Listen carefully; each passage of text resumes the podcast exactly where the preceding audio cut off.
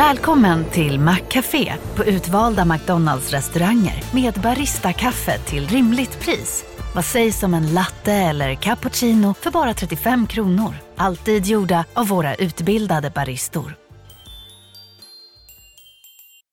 Ni är med om det största. Och det största är den minsta. Ni minns de första ögonblicken.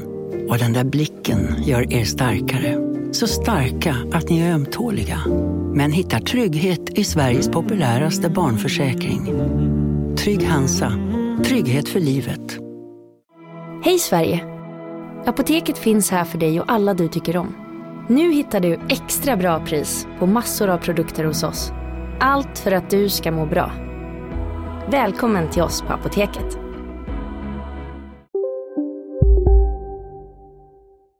Alltså för mig, när, när detta tema utkristalliserade sig så fanns det bara ett exempel som lyste i, i eldskrift för mitt inre.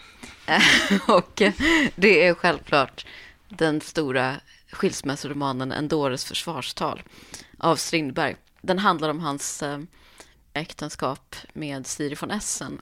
Hur länge var de gifta? Jag vet inte exakt, men typ tio år. Det, var, det var inte enormt länge, men det var, de fick flera barn tillsammans. Och, sådär.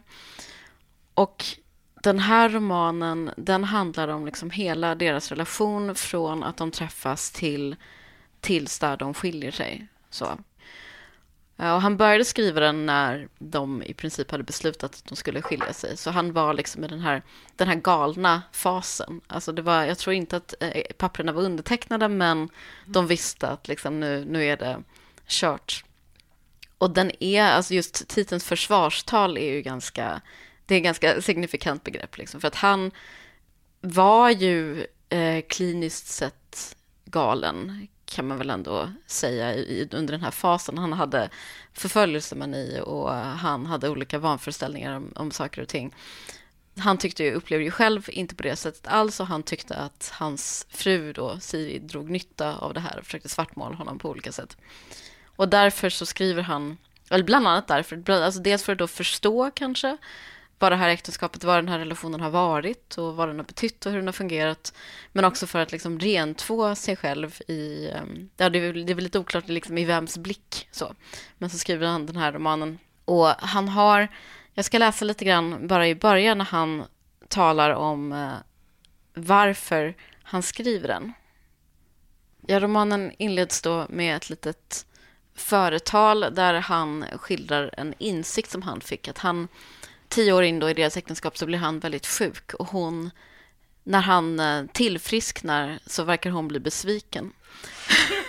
och då inser han att, tycker han då att kan det vara så att jag är offret i den här situationen. Att det, att det inte alls är så att jag är en eh, skojare som har förstört hennes karriär och utnyttjat henne ekonomiskt och sådär. Kan det vara så att det är hon som är en hora och lögnerska och bedragerska. The jury's still out.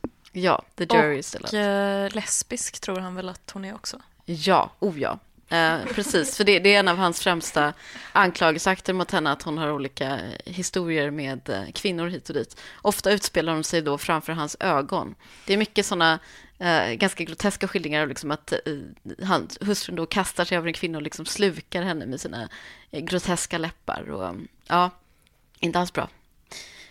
Men i alla fall, han börjar fundera på detta då i det här, i det här förordet. Och så skriver han, jag måste absolut få veta sanningen. Och för den skull ämnar jag företa en grundlig, diskret, om ni så vill, vetenskaplig undersökning. Jag ska begagna mig av den nya psykologiska vetenskapens alla hjälpmedel. Utnyttja suggestion, tankeläsning, själslig tortyr. Allt sånt Mikaela jobbar med på daglig basis. tankeläsning, själslig tortyr, Mikaela. Utan att för den skull avstå från beprövade metoder som inbrott, stöld, undansnillande av brev, lögn, förfalskade namnteckningar, allt. Är detta monomani, ett utslag av vansinne? Det är inte min sak att avgöra. Må den upplyste läsaren döma opartiskt i sista instans genom att läsa denna ärliga bok. Kanske kommer han där att upptäcka några smulor av kärlekens fysiologi, några stänk patologisk psykologi och därjämte ett fragment av brottets filosofi. Jag älskar att eh, det han kallar beprövade metoder då är att göra inbrott och stjäla brev. Det är otroligt bra. Det är väldigt, väldigt bra. Och det här anslaget just att han, det finns å ena sidan det här så att säga, alltså att det är just som Sokrates försvarfall, det är liksom det är inför rätten så. Det är extremt subjektivt, ett utslag av vansinne eventuellt, men det är inte hans sak att säga för läsaren placeras då i liksom domstolen. Men samtidigt så är det ju helt uppenbart, det, um, ja, det, det är någonstans är det väl av begränsat intresse för oss nu kanske att försöka liksom utröna vad som egentligen hände. Men som jag förstår så är Strindberg-forskningen typ överens om att eh, det allra mesta eh, som han anklagar Siri von Essen för är antingen typ taget i luften eller liksom groteska överdrifter på en, ja, eh, det var säkert, det finns väl ingen oskyldig i ett äktenskap, men likväl så är det, ja, det är ganska mycket fria fantasier. Mm, mm. Det är också intrycket man får när man läser boken. Det är det verkligen. Uh, den är skriven i det här, ja, ja monomani är väl kanske ett ganska bra uttryck. Alltså det, det är, den är så liksom affektiv. Mm. Det, det, det är noll sån registrerande kallstil, utan det är, ja. Och jag tänkte att jag ska läsa ur ett litet avsnitt som åskådliggör det ganska bra.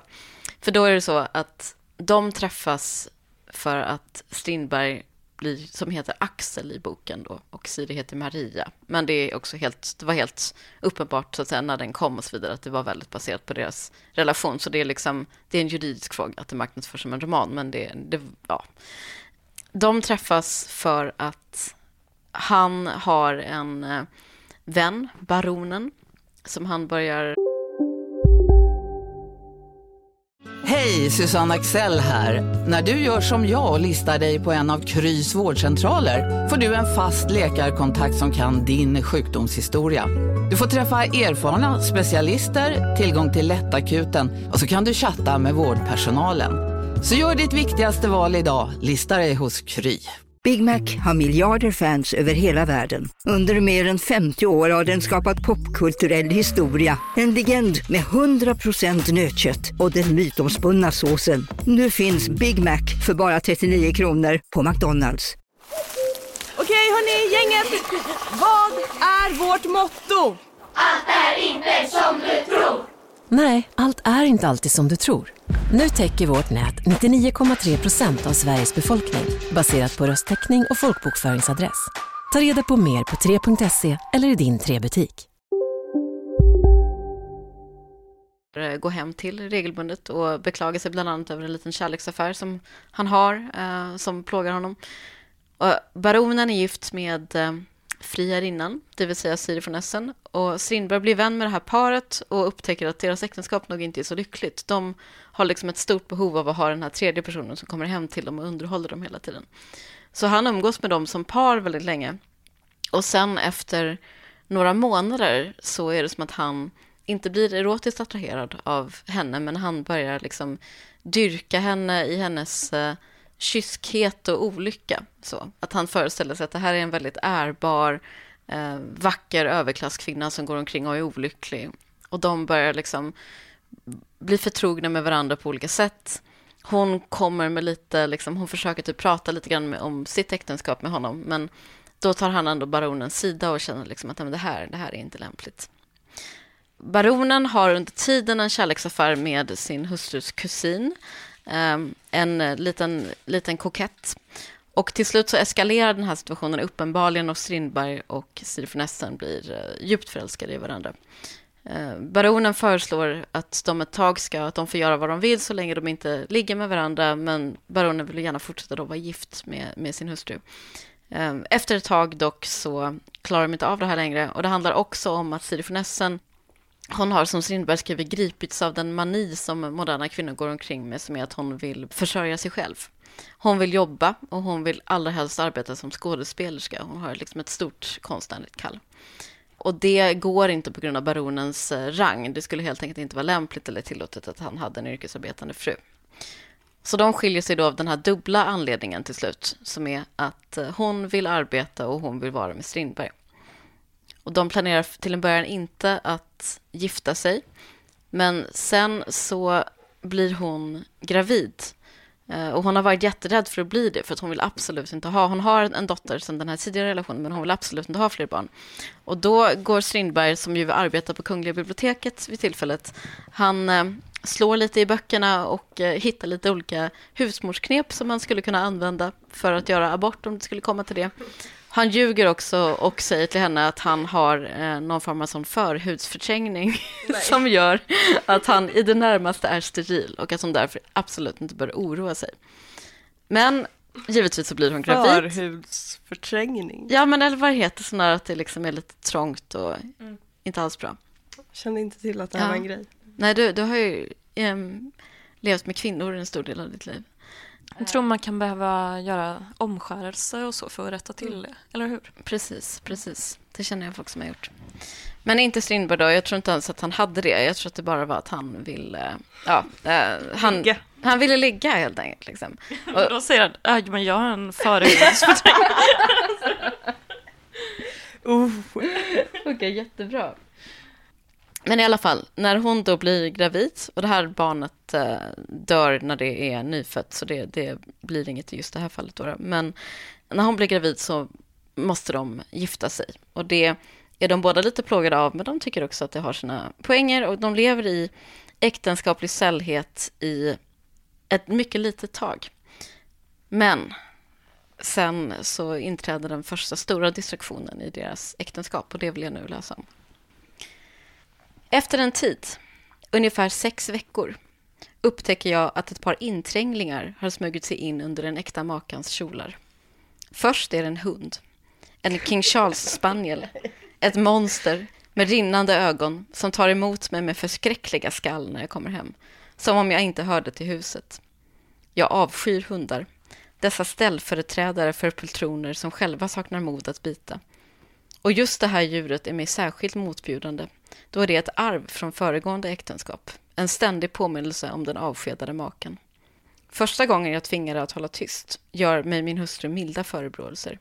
Ursäktande sig med att det rysliga djuret är det enda minne hon har kvar efter den avlidna dottern. Och hon säger att hon aldrig trott att jag kunde vara så grym och så vidare. En dag upptäcker jag att monstret har smutsat ner på den stora salongsmattan. Jag ger det ett kokstryk och blir beskylld för att vara en bödel som slår oskäliga djur. Vad vill du då att jag ska göra? Det var väl exakt det han gjorde. Jo, jo. Men vad vill du då att jag ska göra? Frågar han Sivnäsen. Eftersom djuren inte förstår vad vi säger. Hon gråter och förklarar att hon är rädd för en man som är så elak som jag. Odjuret fortsätter att förrätta sina behov på den dyrbara mattan. Då åtar jag mig att uppfostra det och, och söker övertyga min hustru att hundar är mycket läraktiga och att man kan åstadkomma underverk med en smälla envishet. Hon blir rasande och låter för första gången förstå att mattan är hennes. Ta bort den då, för ty jag har inte åtagit mig att leva i ett avträde. Mattan blir kvar och djuret övervakas bättre än förut. Ansträngade sig en smula efter den hårda läxa det fått av mig. Nya svårigheter inträffar.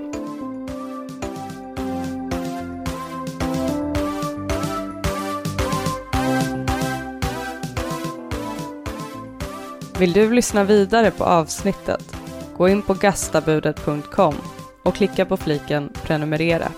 Det kostar som en väldigt billig kopp kaffe i månaden och för varje prenumerant vi får ökar våra förutsättningar för att kunna göra gästabudet både oftare och bättre.